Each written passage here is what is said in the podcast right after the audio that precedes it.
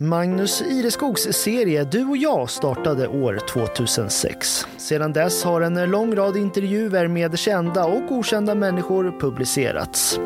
Den gemensamma nämnaren är alla människoöden som skildrats genom åren. För första gången släpps nu några av de här intervjuerna i poddformat, inlästa av Magnus Ireskog själv. Här om Fanny Andersson som blev utbränd redan som 13-åring.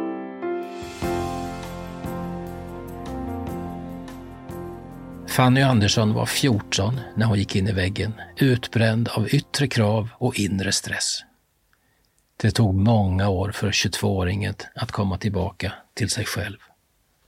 Det fanns stunder då hon inte kunde sluta gråta, då tårarna dränerade henne till tomhet. Tom på känslor, på energi, till slut tom på viljan att faktiskt leva. Jag låg hemma. Det var i nian och allt var bara svart. Jag skickade hej då till mina kompisar. Det var... Ja, det var det som kom att bli vändningen, säger hon. För kompisarna slog larm. Läraren agerade och Fannys pappa kom springande vettskrämd. Och den tonåriga Fanny inslog till slut att det hon gör och hur hon faktiskt mår påverkar andra. Sedan dess har hon jobbat med sitt mående, för ingenting kan tas för självklart. Vi pratar om det i den här intervjun, om den psykiska ohälsan och hanteringen av den, om den hon var och den hon blev, är. Det har varit upp och ner, säger hon. Åtta nyttiga år på Fanny-universitetet. Varje år sjukskrivs drygt 30 000 personer för att de, som det populärt kallas, gått in i väggen. Utmattningssyndrom är den term som vanligen används. Kvinnor är i majoritet. Också för unga tjejer har kurvan ökat över tid. Fanny, som idag är anställd som ombudsman för SSU Gotland, bor i en tvåa på Länna i Visby tillsammans med pojkvännen. Ett tryggt och ordnat liv, men inte utan ärr från tiden som ung och pressad högstadieelev. Men ändå, säger hon, jämfört när jag var 14-15 så mår jag mycket bättre idag. Men jag kan fortfarande känna av panikångest och jag har en ätstörning som började som ångestreglering som jag ännu kämpar med. Men hon kan, säger hon, ta hand om den där vilsna tonåringen som finns inom henne. Hon känner signalerna när något inte stämmer och har verktyg att hantera sitt mående.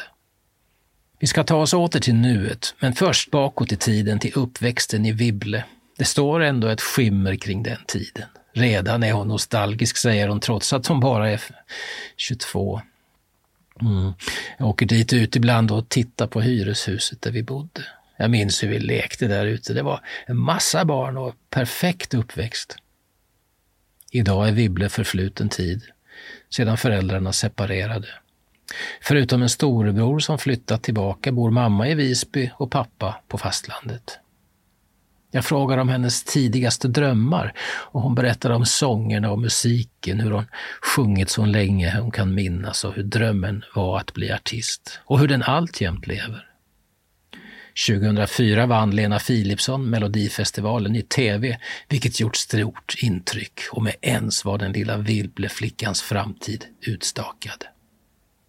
Jag sjöng och dansade hemma. Ont det gör ont, det gör ont.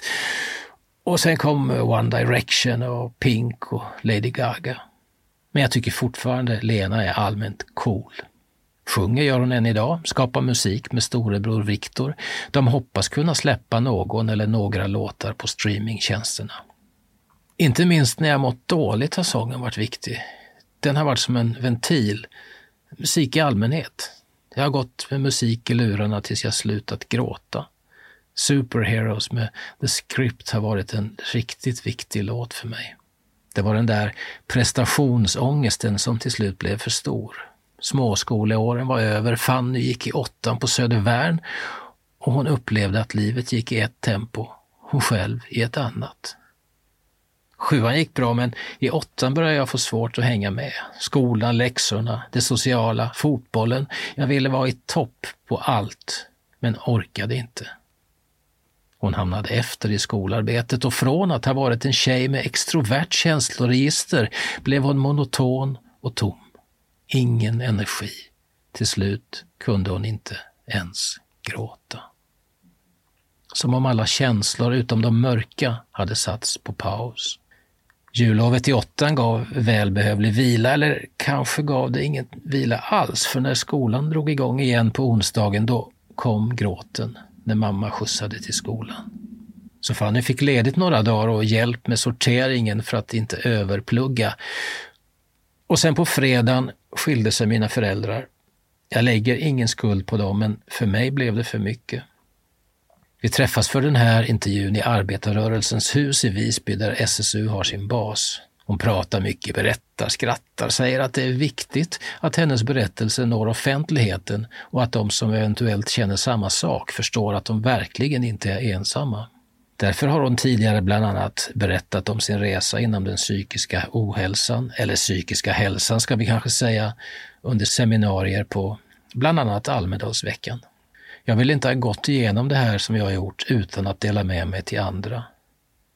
Det är viktigt att förstå tecknen tidigt och kan jag bidra till att någon enda som känner så här söker hjälp i tid så är det värt det, säger hon.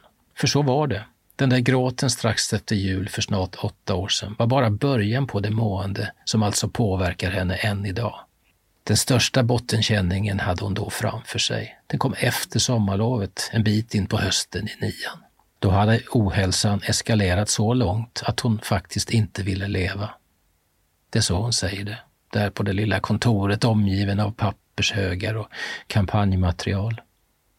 Det var då hon sände de där hej då-meddelanden till sina kompisar. Kompisar som slog larm hos läraren, vilket i sin tur gjorde att hennes pappa kom springande med andan i halsen, vettskrämd. Det blev en vändpunkt, säger hon. Då såg jag omgivningens reaktioner, att de verkligen bryr sig och började jobba med mig själv. Så fick jag hjälp av skolan också att klara av nian. Så långt gick det aldrig att hon sjukskrevs, inte i egentlig mening. Hon sjukskrev sig själv kan man säga, gick hem från skolan eller stannade hemma i flera dagar, vilket gjorde att hon ibland inte hade tillräcklig närvaro på lektionerna. Fanny Andersson är långt från den första som berättar om den ångest som är märkbar hos många ungdomar. Artisten Klara Klingenström har satt ord på den psykiska ohälsa hon brottats med. Något som hon säger att hon till dels skakat av sig. Hon har öppnat sig i tidningsintervjuer, poddar och tv-program. Hennes mellosuccé Behöver inte dig idag är på sätt och vis en sång till henne själv. Nej, idag behöver hon inte den där mörksinnade människan hon en gång var. Hon är så cool, Klara, säger Fanny. Det hon har berättat är så viktigt. Som jag sa, det är viktigt att de här frågorna verkligen diskuteras och kommer upp till ytan. Så vad beror det då på att så många faktiskt går in i väggen? Fanny har sin egen teori formad av allt hon gått igenom. Dels hade hon rent allmänt höga krav på sig själv, det ligger i personligheten. Men så kom jakten på betyg i skolan. Att man jagar just betygen, inte kunskapen i sig. Ett A är målet. Även om det ibland närmast är ouppnåeligt. Tillkommer gör stressen av de sociala medierna, det inser hon nu. I tonåren var hon sur på mamma som bad henne lägga undan mobilen, men nu förstår hon att det är ett måste. Att hela tiden vara uppkopplad innebär en konstant stress. Att vakna med dåligt hår kan förstöra en hel dag. Tänk alla influencers som visar sin perfekta yta, vilket den såklart inte är, men det är svårt att se igenom, speciellt när man är yngre. Det skapar stress, även om man inte är medveten om det. Och generellt, säger han, finns det en annan förväntan på tjejer just. Ett annat skönhetsideal och inte ska väl man vara den bråkige inte som killar får vara. Men jag mår dåligt av att sitta fint och vara instängd i en box. Jag vill ifrågasätta, göra min röst hörd. Det får jag här inom SSU. Jag gick med när jag var 15 och har varit politiskt aktiv sedan dess. Glad? Ja, glad är möjligen fel ord, men ändå. Fanny är trots allt glad över de år som varit. Hon har lärt sig mycket om sig själv och fått ett annat djup än många av sina jämnåriga. Så upplever hon det. Och så är det ju. Inte sällan kommer det något gott ur kriser. Jag har fått en annan förståelse för att andra kan må dåligt genom att själv ha varit där. Vad har Fanny att vara ledsen över, hörde jag en del säga när jag mådde som sämst. Och det förbättrade ju inte precis läget, men vad då? Ingen kan veta hur någon annan mår. Så, jo, glad. eller åtminstone tacksam över de där åren på Fanny-universitetet. Idag går hon hos psykolog. Tidigt gick hon till läkare och till barnpsykiatrin men fick, som hon uttrycker det, inte tillräckligt med hjälp. Många år senare hjälper psykologen henne att bena ut tillvaron och hitta rätt stigar att trampa. För hon hittade alltså till slut tillbaka till sig själv, en människa med skrattet nära. Så om vi tar fasta på det Fanny, berätta om saker som gör dig glad. Ja, det är mycket det. Att sjunga, gymma, ta kvällspromenader och skratta med familjen och vännerna. Mer då? Mer? Dansa loss på munkens slagergolv. Då är man mitt i nuet. Det är härligt. Det tycker jag om. Och så skickar hon också hälsningar till de ungdomar som kanske läser det här, kanske lyssnar på det här och till deras föräldrar. Jag väntade för länge. Ta hjälp av en psykolog direkt. Eller prata åtminstone med någon det hjälper till att sätta ord på och definiera känslor och mående. Hon menar också att det är faktiskt av vikt att acceptera att man är trött om man är det. Rensa undan saker, säger hon. Tänk på att det du gör, det gör du för dig själv. Överbelasta dig inte med sånt som får dig att inte må bra. Lätt är att tänka att det finns andra som har det värre, men farlig är den tanken. Stressnivå är individuell och måste tas på allvar. Här är hon nu, 22. I början bara massor ligger rimligen framför. I den meningen är det en magisk tid. SSU-jobbet har fått henne överväga att plugga statskunskap och så vill hon bli mamma någon gång i framtiden och där bakom puttrar alltjämt artistdrömmen.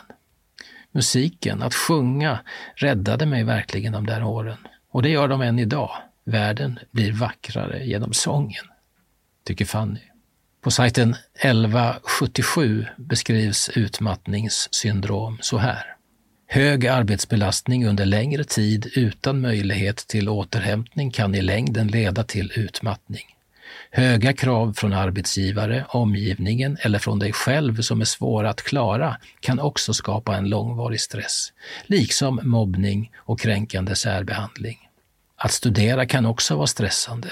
Särskilt om du inte tycker att du lyckas bra eller har valt fel inriktning. Även påfrestningar i privatlivet kan göra att du blir utmattad, som arbetslöshet, dödsfall, ekonomiska problem, sjukdom, separation. Under den akuta fasen behövs vila, stöd från omgivning och ibland även professionell samtalshjälp. Under denna tid kan små vardagssysslor som att tömma en diskmaskin kännas oöverkomliga. Därefter väntar återhämtning, också då med fördel professionell samtalshjälp och fysisk träning. Sen är det dags att återgå till arbetslivet eller studierna. Då är det viktigt att arbetsbelastningen anpassas efter hur mycket vederbörande orkar. Gillar du också Magnus Ireskogs intervjuserie Du och jag så finner du fler avsnitt på helagotland.se under poddar och program.